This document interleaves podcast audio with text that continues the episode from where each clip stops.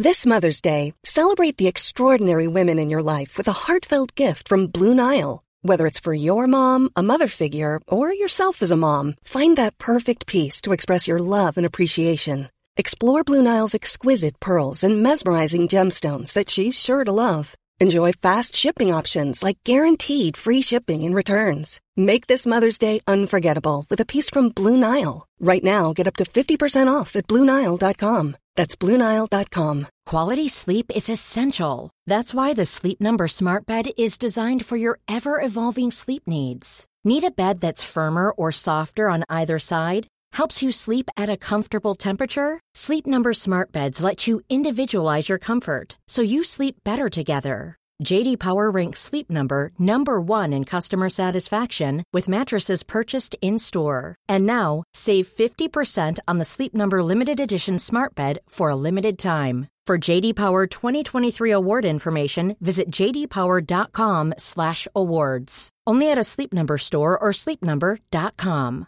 Hey, it's Ryan Reynolds, and I'm here with Keith, co star of my upcoming film, If, only in theaters, May 17th. Do you want to tell people the big news?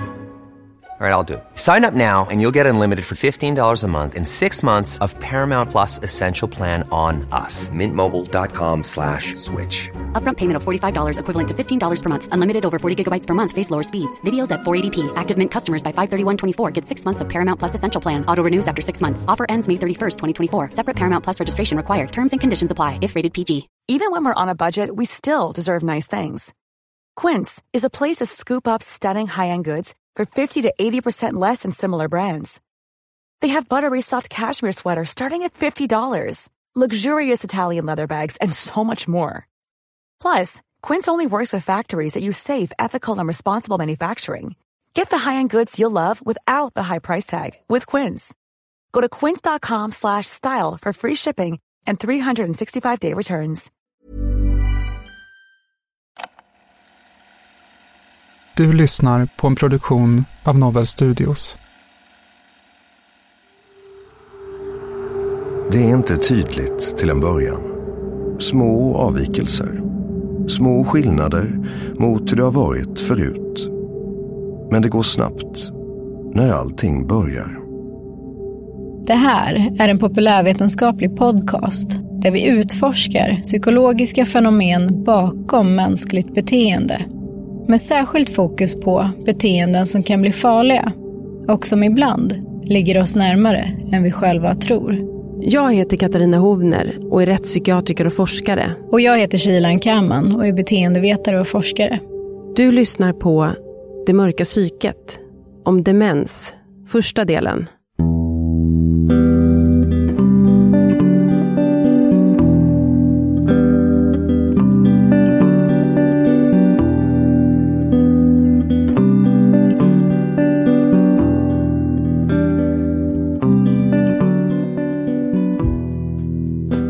Idag Kilan så ska ju vi djupdyka i ett annat tillstånd kan man säga.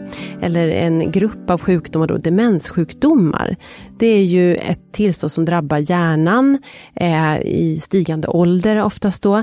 Och kan ju leda till ganska obehagliga upplevelser för personen själv, men också väldigt ofta för anhöriga som eh, står runt omkring och som eh, märker att det är någonting fel med sina anhöriga, helt enkelt.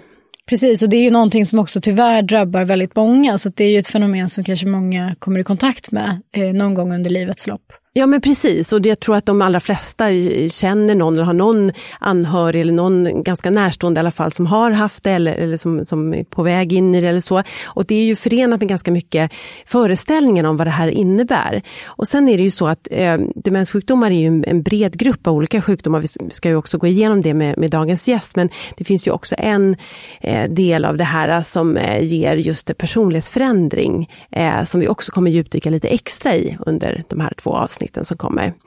Och med oss idag som eh, gäst för att eh, reda i det här med demenssjukdomar och vilka olika beteendesymptom eh, det kan ge och så, så har vi Lars-Olof Wahlund som är professor och överläkare i geriatrik och har ägnat många, många år åt att forska om just demenssjukdomar. Hans växer upp i ett bostadsområde i utkanten av en större stad. På gatan bor flera av hans klasskamrater och de går tillsammans till skolan om morgnarna. Hans pappa arbetar på en nyhetsredaktion och hans mamma på vårdcentralen. Han beskrivs som ambitiös och det går bra i skolan. Under tonåren spenderar han mestadels av tiden tillsammans med sina syskon och familjens hund. Han studerar vidare på universitetet och tar examen i nationalekonomi. Och det är på sin första arbetsplats som han träffar Karin. Hon är tre år äldre och arbetar på en annan avdelning. Företaget har en policy om att kärleksrelationer inte får inledas mellan medarbetare. Men Hans och Karin börjar snart träffas på platser där de inte stöter på andra människor. De ses på lunchrestauranger i utkanten av stan, ses och promenerar och sover över hos varandra. Hans börjar intressera sig för politik och får senare förfrågan om att börja arbeta för ett nytt företag. De berättar om sin relation för kollegor och vänner. Och han tänker att allting verkar ligga framför dem. Ja, jag tänker vi kan börja med om vi ska definiera vad är egentligen demenssjukdom? Eh, ja, demenssjukdom, jag, jag tycker man ska säga demenssjukdom, inte demens eller dement. För att vi som håller på med det här försöker komma ifrån det här lite, ah, lite stigmatiserande kan man säga. Det, det, det är inte så lätt att göra det, men det, i alla fall vi som håller på med det försöker använda begreppet demenssjukdom. Eller kognitiv sjukdom ännu hellre vilket är lite bredare begrepp. Men eh, om man ska sammanfatta vad det är, det är sjukdomar i hjärnan eh, som är oftast progredierande, det vill säga de framåtskrider och obönhörligt på det viset att det finns ingen, ingen botande medicin ännu så länge. Eh, de har en långsamt utvecklande förlopp. De, eh, alltså sjukdomsprocess från 3, 4, 5 upp till 10, 20 år. Alltså det är långa sjukdomsprocesser. Och eh, vad, de här sjukdomsprocesserna då som vi kallar för neurodegenerativa sjukdomar, de drabbar olika delar av hjärnan. Och beroende på vilka delar som drabbas så får man olika symptom. Så har man en Alzheimers sjukdom, då drabbar de områden i hjärnan, drabbas de områden i hjärnan som liksom sköter om minnet, alltså minnesfunktionerna drabbas. Får man förändringar i pannloberna, frontala loberna, då får man problem med sin att styra sin personlighet så att säga och då får vi en helt annan symptombild. Men bägge två är ju olika fall av demenssjukdomar.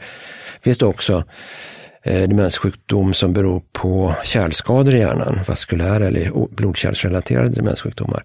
Där är det då mera vad den här, de här kärlskadorna sitter i hjärnan som styr vilken, typ, vilken symptomatologi man får, vilken symptombild man uppvisar. Finns det också Eh, vilket man har lite senare kommit på, med senare menar jag kanske för 20-30 år sedan, så blev det tydligt att, att Parkinsons sjukdom också i sin utveckling leder till demenssjukdom, demenssymptom. Och så finns det en variant av Parkinsons eh, sjukdom, som, eller demenssjukdom som vi kallar för Lewy demens eh, som startar med demenssjukdomen, sen utvecklar en symptombild som vid Parkinson med rörelsesjuka.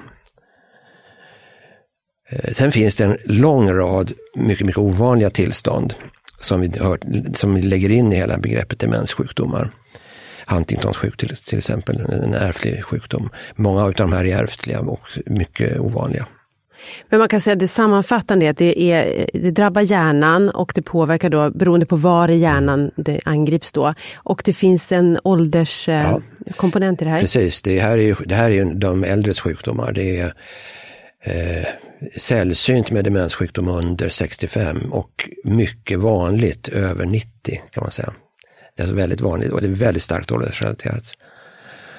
Så det, det är en geriatrisk sjukdom om man definierar geriatrik på alltså de äldres sjukdomar.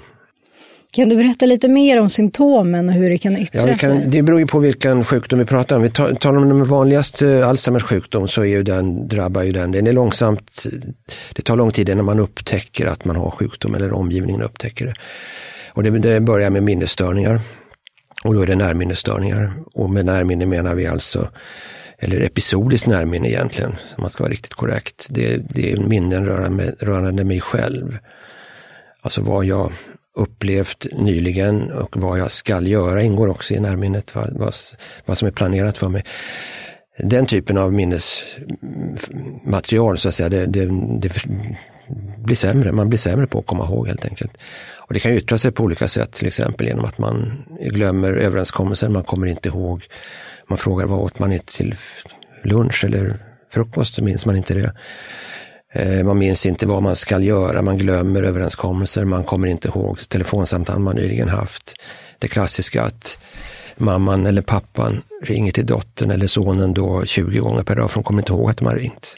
Den typen av och det här är, sen sprider sig minnet, så blir det mer och mer av minnesmaterial som försvinner. Men det som försvinner sist så att säga, det är det, det, är det episodiska fjärrminnet, alltså minnes, minnen kring en själv väldigt långt tillbaka. Det sitter kvar. Även sådana minnesmaterial som handlar om till exempel procedurminne, som det heter, när man kan, att man har lärt sig cykla till exempel, eller spela piano. finns det goda exempel på ganska svårt dementa personer som kan spela piano fortfarande. De minnesmaterialen sitter kvar. Men, men med långt tillbaka, kan det innebära att man inte kommer ihåg sina barn till exempel? Ja, det ligger ju, ja till slut så är, är, drabbas ju, det beror ju på hur långt, hur långt den hinner gå innan man avlider av den. Så man dör i, i sin demenssjukdom till slut. Så att det, det, det är inte så ovanligt att man inte kommer ihåg sina barn om man är ganska svårt drabbad. Jag tänker att det måste vara en väldigt obehaglig upplevelse för den som eh, lider av demenssjukdom. Ja, ja, det, nu kommer man ju väldigt oftast ganska tidigt eh, med sina symptom. Man är orolig för, man känner till mm. att, man, att det finns sånt som demenssjukdom och man vet vad Alzheimer är. Man blir orolig för att man, man har drabbats av det då förstås. Det är ju väldigt, inte så konstigt. Så i början då när man gör utredningar och man får, eh, får beskedet så är det en chockartad besked. För det är ju, finns ju ingen botande medicin. Om, alla har ju så att säga en bild av vad det är att drabbas av en demenssjukdom och den bilden är oftast väldigt, väldigt mörk och den är väldigt dyster och den är förenat med ja, mycket ångest och oro. Då. Så att i början eh, när man får det här beskedet så är det chockartat och man kan många gånger drabbas av depression och rätt mycket ångest och oro inför det här. Eh, anhöriga får ju också ta del av det så att säga. Och eh, det är ju den anhöriges sjukdom som man brukar kalla det för. De anhöriga har, de kan, det, det, är mycket, det är mycket arbete, det är mycket eh, att stå i så att säga, att ta hand om en person som har en demenssjukdom och som blir sjukare och sjukare, behöver mer och mer hjälp och omsorg. Så att när man är tillräckligt sjuk så brukar man ju komma till ett särskilt boende därför att omsorgsbehovet blir så stort så att den anhöriga, oftast är det ju äldre personer, orkar helt enkelt inte med rent praktiska, utan det, det är bättre då kanske att det är på ett äldreboende där man har resurser och möjligheter att hjälpa till och stimulera på ett sätt som, som, vi, som visar sig är väldigt bra för de demenssjuka. Att mycket stimulering kan man må ganska hyfsat faktiskt, om man får mycket hjälp. så. Hans friar till Karin när de varit tillsammans i tre år. De bor i London och köper ett hus utanför stan när de väntar sitt första barn.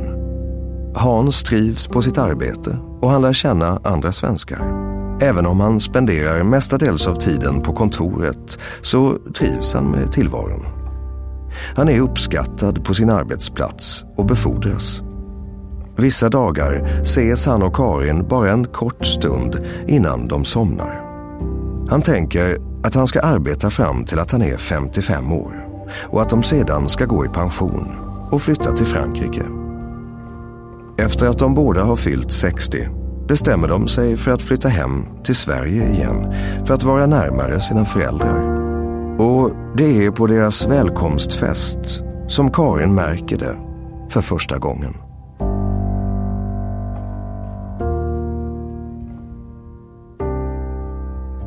Får man någon form av medicinsk behandling? För att... Ja, det finns det vi kallar för symptomlindrande behandling. Nu talar vi om Alzheimers sjukdom. Ja, symptomlindrande. Den eh, kom på 90-talet och den är, finns fortfarande och används ganska mycket.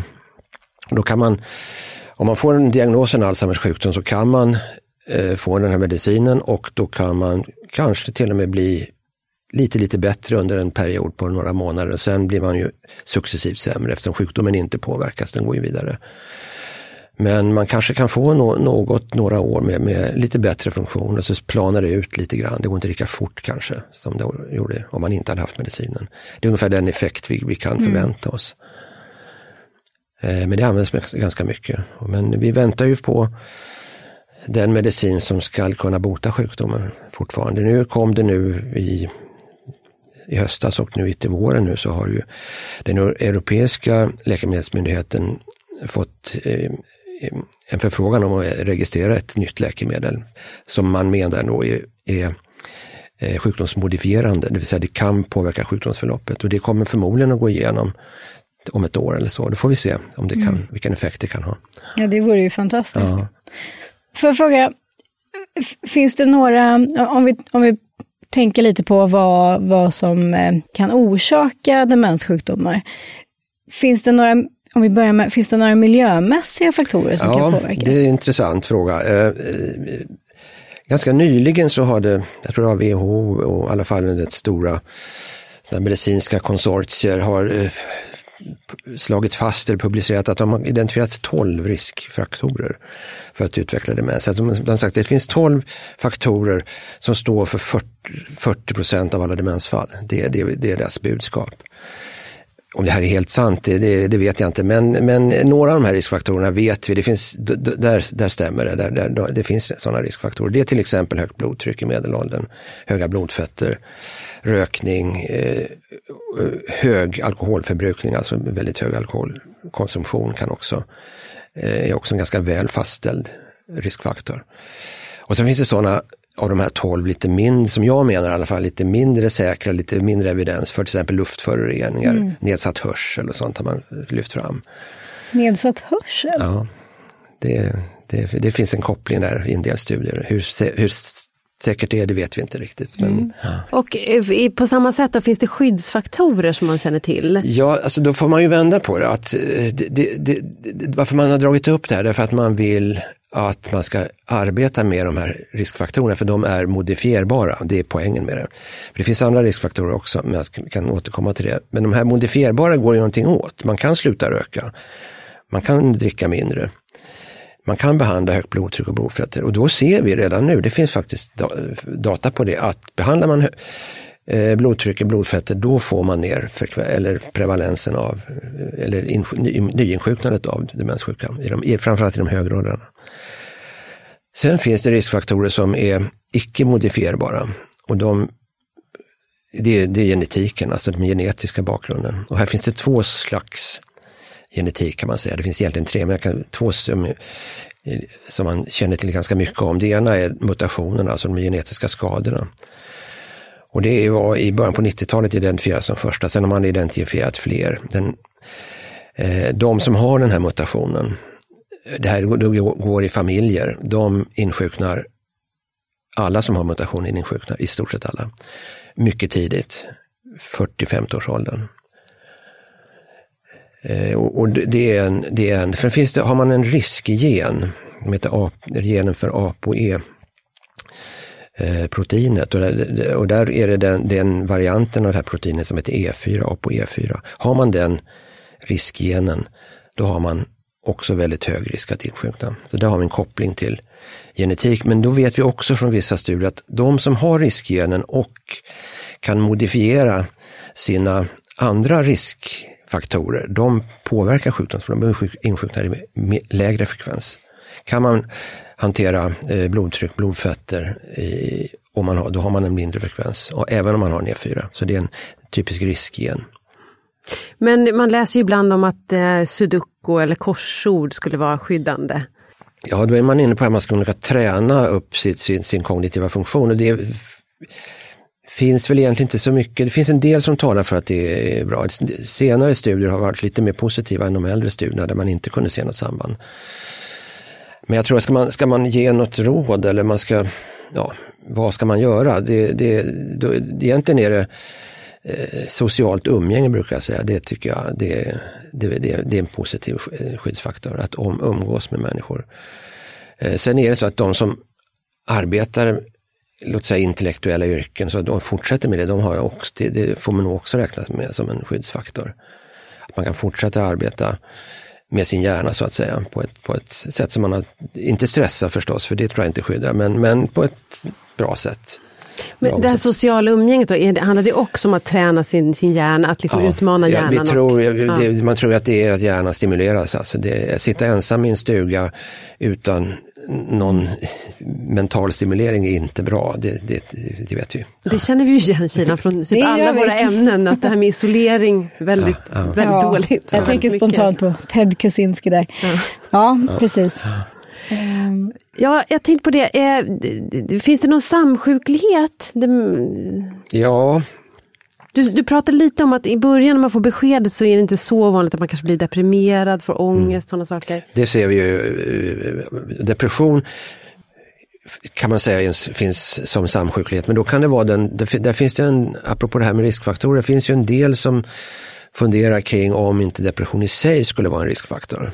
Det är inte helt klarlagt. En del påstår det, andra kan inte finna stöd för det. Så att det men det är, en, det är en föreslagen riskfaktor, depression.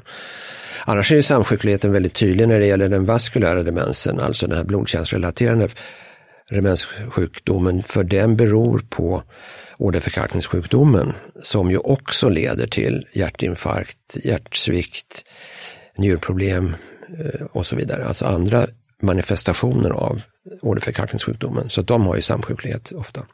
Högt blodtryck har de ofta. Jag tänker på liksom ett litet mörkare stråk där eh, kring vad det kan... Eh, finns det någon risk? Finns det några ökade risker för att personer som får en demenssjukdom att de löper en ökad risk att begå våldsbrott till exempel? Tittar man på, det finns en del studier på det, tittar man på Alzheimers sjukdom så ser man inte det. Utan då får man eh, gå till den här, en demenssjukdom som kallas pannlobsdemens eller frontallobsdemens. Där kan det finnas en överrepresentation av kriminalitet. Det finns några studier på det, man har sett att de finns eh, överrepresenterade vad det gäller viss brotts, typ av brottslighet. I'm Sandra, and I'm just the professional your small business was looking for. But you didn't hire me because you didn't use LinkedIn jobs. LinkedIn has professionals you can't find anywhere else, including those who aren't actively looking for a new job but might be open to the perfect role, like me. In a given month, over 70% of LinkedIn users don't visit other leading job sites. So if you're not looking on LinkedIn, you'll miss out on great candidates like Sandra.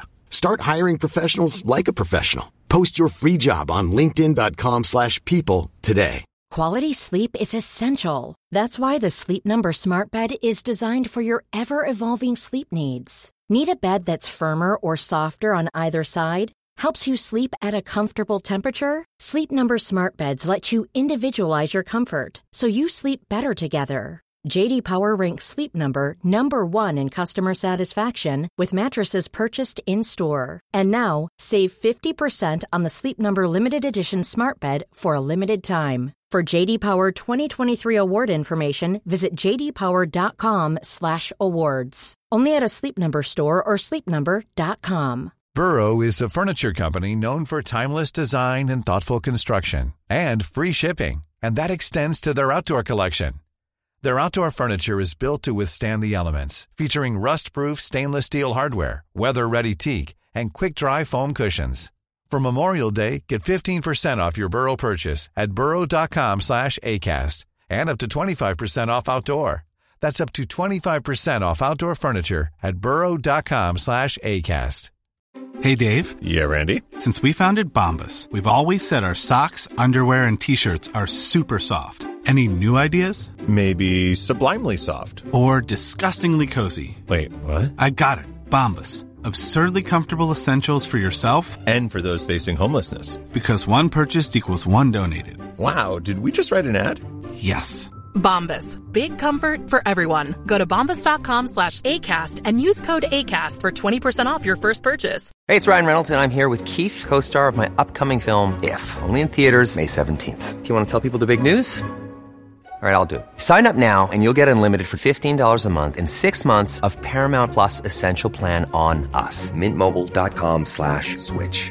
Upfront payment of $45 equivalent to $15 per month. Unlimited over 40 gigabytes per month. Face lower speeds. Videos at 480p. Active Mint customers by 531.24 get six months of Paramount Plus Essential Plan. Auto renews after six months. Offer ends May 31st, 2024. Separate Paramount Plus registration required. Terms and conditions apply if rated PG. If you thought the only way to get a more defined jawline with natural looking results was through surgery, think again. Juvederm Volux XC is a non surgical injectable gel filler that improves moderate to severe loss of jawline definition and can help you achieve natural looking results with little downtime. Even better, this improved definition lasts up to one year with optimal treatment. No maintenance required. Improve jawline definition for a smooth, sculpted look with Juvederm Volux XC. For important safety information and to find a licensed specialist, visit juvederm.com. That's J U V E D E R M.com. Not for people with severe allergic reactions, allergies to lidocaine, or the proteins used in Juvederm. Common side effects include injection site redness, swelling, pain, tenderness, firmness, lumps, bumps, bruising, discoloration, or itching. There's a risk of unintentional injection into a blood vessel, which can cause vision abnormalities, blindness, stroke, temporary scabs, or scarring. Talk to a licensed specialist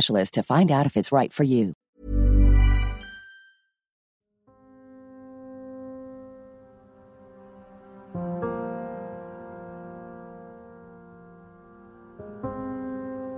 Lägenheten är full av folk. Vänner, kollegor och släkt. Musik spelas från vardagsrummet och Hans kommer ut och ställer ner dubbelt så många glas som behövs. Hans vänner skrattar. Han säger att han sovit dåligt och tar med sig glasen ut i köket igen. Karin säger till honom att han ser trött ut och frågar om han vill gå och lägga sig. Morgonen efter väcks Hans av att det knackar på sovrumsdörren. Karin frågar om han ska följa med ut och träffa deras två barn. Så mycket drack han inte igår. Ändå vill han fortsätta att sova. Karin frågar om han känner sig sjuk, men det gör han inte. Det är tredje helgen i rad som han inte orkar gå upp när väckarklockan ringer. Karin säger att hon går ut och träffar barnen själv och att de ses senare ikväll. Och Hans ligger kvar i mörkret.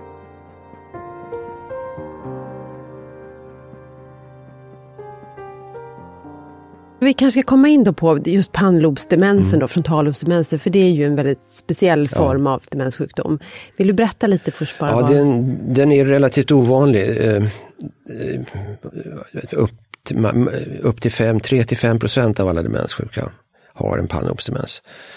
Den drabbar oftast i lite yngre åldrar och då menar vi kanske 40, 50, 50, 60 någonstans. Inte 40, det, det finns fall på 40 men det vanligaste är att de är kanske närmare mellan 60 och 70 när man får sjukdom. Det finns också över 65-70. Jag tror en 30 procent är över 65 men de flesta är yngre. Och med det yngre menar man under 65. Eh, den eh, drabbar som sagt personligheten som ju styrs av våra frontallober. Så det som styrs av frontalloberna, det är det som eh, den bristen på det som finns där som styr, den styrningen, den ger symptombilden. Så att de här personerna som drabbas av sjukdomen, deras personlighet förändras, de blir annorlunda, framförallt i sociala sammanhang. Det som brister är, är förmågan att anpassa sig i ett socialt sammanhang. Eh, och, det kan yttra sig som att man inte man håller inte avstånd till främmande personer, man är gränslös. Eh, man är, kan vara ganska påtaglig, alltså man ger sig på folk, pratar med folk, man släpper inte taget om dem. Det finns fall där man liksom berätt, eh, på ett repetitivt sätt, men oftast ganska repetitivt, upprepar samma sak om och om igen, berättar roliga historier hela tiden. Inte bara en gång, utan samma ständigt samma historia. kan vara ganska komplicerad, men hela tiden samma tjatande historia. De blir tjatiga på många sätt. I det, här det, är en, det är en brist på hämning, som, en brist i frontalloberna på att hämma den här impulsen att hela tiden eh, berätta den här historien. Då. Och eh, de kan inte styra sina impulser, så att de är impulsdrivna. Och det är väl där det då också kan leda Ja. till vissa... Plus att de också har en oförmåga till empati. De tappar sin empatiska förmåga. Som är lite svårt och det är ett symptom som inte syns egentligen. För i vissa, man, man kan testa det och man kan fråga anhöriga, de vet alltid. För de känner att det är något, det, det, den, jag känner inte igen min pappa. Det är inte min pappa, det- för han har den här totala bristen på omsorg och omtanke borta. Man brukar ibland tala om att eh, personer med frontallobsdemens uppvisar pseudopsykopati. Alltså kan uppvisa mycket av de eh, symptomen och beteenden som personer med psykopati kan göra. Trots att de inte har varit så tidigare. Precis, det är Tidigare delade man in eh, de, gruppen frontalobsdemens i de demenssjuka i pseudodepression och pseudopsykopati. Pseudodepression var de som var väl stillsamma, apatiska, för det var en apati som var det dominerande symptomet. Pseudopsykopati är- just det, gränslöshet, eh, brist på impulskontroll och brist på empati. Så att de i sitt beteende tedde sig som eh, man ibland kan se in i psykopatin. Det stämmer. Och visst är väl det också kan, kan, bli, kan också ta sig uttryck i den här hämningslösheten i att man börjar använda grovt språk till exempel och att man kanske blir väldigt elak mot omgivningen. Och att det kan också gå med att man börjar snatta, att man tar Exakt. saker. Och, Så den här kriminaliteten vi ser hos dem, det är just eh, eh, snatteri ett väldigt vanligt brott som de begår. B- eh, troligen beroende på dels eh, impuls, att de inte, impulsen att ta godiset i affären finns inte, så den tar man. Eh, eller och- impulsen att ta finns det, impulsen att låta, eller kontrollen att Kontrollen, låta bli. precis, kontrollen, att inte kontrollera impulsen att ta, den är borta, så då, då snattar man och tar. Så förstår man heller inte, för de frontalobsdementa, de har brist på insikt, det är väldigt viktigt också, insiktsbristen. De förstår inte omständigheterna kring sig själva. De, de ser inte att de är sjuka, de förstår inte att de är sjuka. De förstår inte alls varför de ska utredas eller undersökas. Och det här är naturligtvis ett, ett problem. Men samtidigt kan man se att de inte har någon, egentligen någon drivkraft. De har inget psyk, psykiskt driv så att de motsätter sig sällan åtgärder. Vilket är, många gånger är bra. Det är inte alltid att det är så, men ibland är det så. Eh, Men när det gäller annan kriminalitet så är det väl också bristen på impulskontroll. Och då gäller, kan det vara en del våldsbrott där man helt enkelt i ilskan eller om man hindrar dem att göra någonting, då, kan, då drar de sig inte för att slåss helt enkelt. Mitt eh, specialområde är ju dödligt partnervåld. Mm. Eh, och där finns det ju en... Där kan jag se att det finns ett kluster av fall som är bland mycket äldre. Liksom. Först är det liksom en, typ som en normalfördelning, men sen har vi ett, litet, en liten, ett kluster där i slutet med liksom äldre individer. Och där så kan man ju verkligen misstänka någon form av liksom debuterande demenssjukdom Ja, ja, hos de här personerna, för det finns absolut ingenting Ja. i övrigt. Ja, det skulle kunna vara. Det, det tar lång tid innan man, innan man identifierar en frontallobsdemens, det vill jag påstå. Därför de söker inte själva. Mm. De har inga problem. Anhöriga, omgivningen är inte alltid säkert. De, de ser en person som be- beter sig annorlunda och blir konstig. Och, och är det en arbetsplats, vilket det är ofta eftersom de är yngre och fortfarande i arbetsför ålder, så är är det ju en utstötningsprocess. Det blir en mobbningssituation på arbetet. De mobbas ut de här. Det är väldigt ofta jag har sett att de är utmobbade. Och som tur är så spelar det inte så stor roll för de sjuka uppfattar det inte så. De kan uppfatta att det är, det är något som är fel, förstår inte varför, varför de blir utmobbade. Så att det är en, ja, Men, för jag har undrat lite om, em, om det är så att vi har liksom missat att det, men, alltså, att det här skulle kunna vara en riskfaktor liksom, för den äldre målgruppen, alltså för dödligt partnervåld. Och då är frågan, är det någonting som man, fångar man upp de här riskerna liksom, när man jobbar med demens? Ja, det- nu är, nu är ju eh, våldsbrott framför allt och demenssjukdom, det är ju väldigt eh, ovanligt generellt sett är det ju så. Men där, vi har, där man har ögonen öppna så det är ju de med frontalobsdemens. Jag tror alla som arbetar med dem vet om det här och just den här kanske mer explosiva ilskan i, när de inte får som de vill eller man på något sätt går emot dem, då kan man råka ut för det. Och det spelar ju inte egentligen så stor roll om det är en eh, äldre dam, eh, kanske lite tunn och väger inte så mycket och inte så stark, då spelar det ju ingen roll. Men, men är det en stor stark karl, vilket det kan vara ibland, stora, fortfarande kraftfulla, då blir de farliga. Mm. De har ju ingen, ingen hämning, alltså det finns inget som begränsar dem. De kan fortsätta att slåss. Kan man, kan man medicinera dem på något sätt? Eller ja, alltså det här är ju en diskussions... Det har vi diskuterat mycket, eller man diskuterar mycket, ska man medicinera? Och det är jättesvårt. De, man kan söva ner dem. Det är det enda som hjälper. Mm. Det finns ingen enskild farmakologisk produkt, ingen, ingen medicin som tar bort den här ilskan eller det finns inte sånt. Utan det, man har sett det när det gäller att behandla farmakologiskt så oftast får man rätt svåra biverkningar av nästan all typ av medicin. Stämningsstabiliserande? Ja, det, det, det, kan man pröva. Ja. Det är många som gör det. Mm. Alltså de här serotonin, alltså, alltså, eller SSRI-preparaten. Mm. Det kan man tänka sig.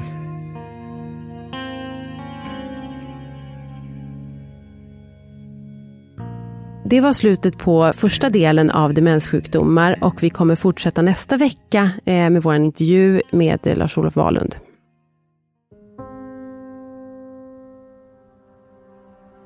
Det blir tydligare och tydligare.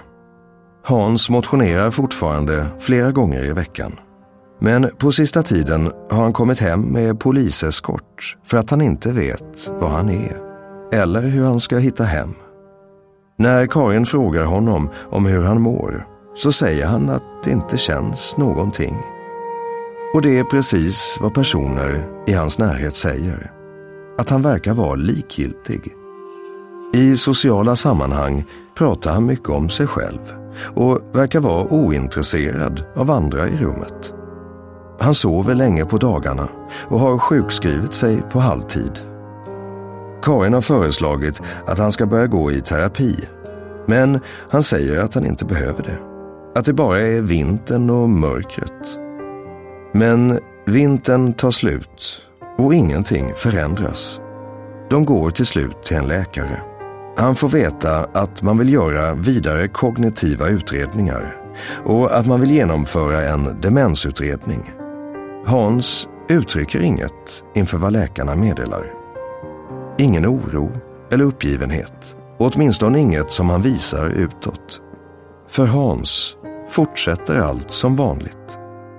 För alla andra börjar allting bli annorlunda.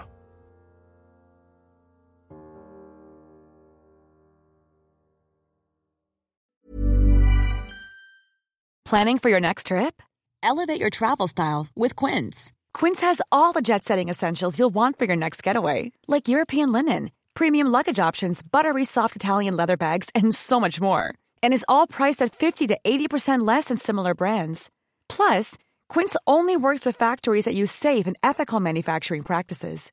Pack your bags with high-quality essentials you'll be wearing for vacations to come with Quince. Go to quince.com/pack for free shipping and 365-day returns.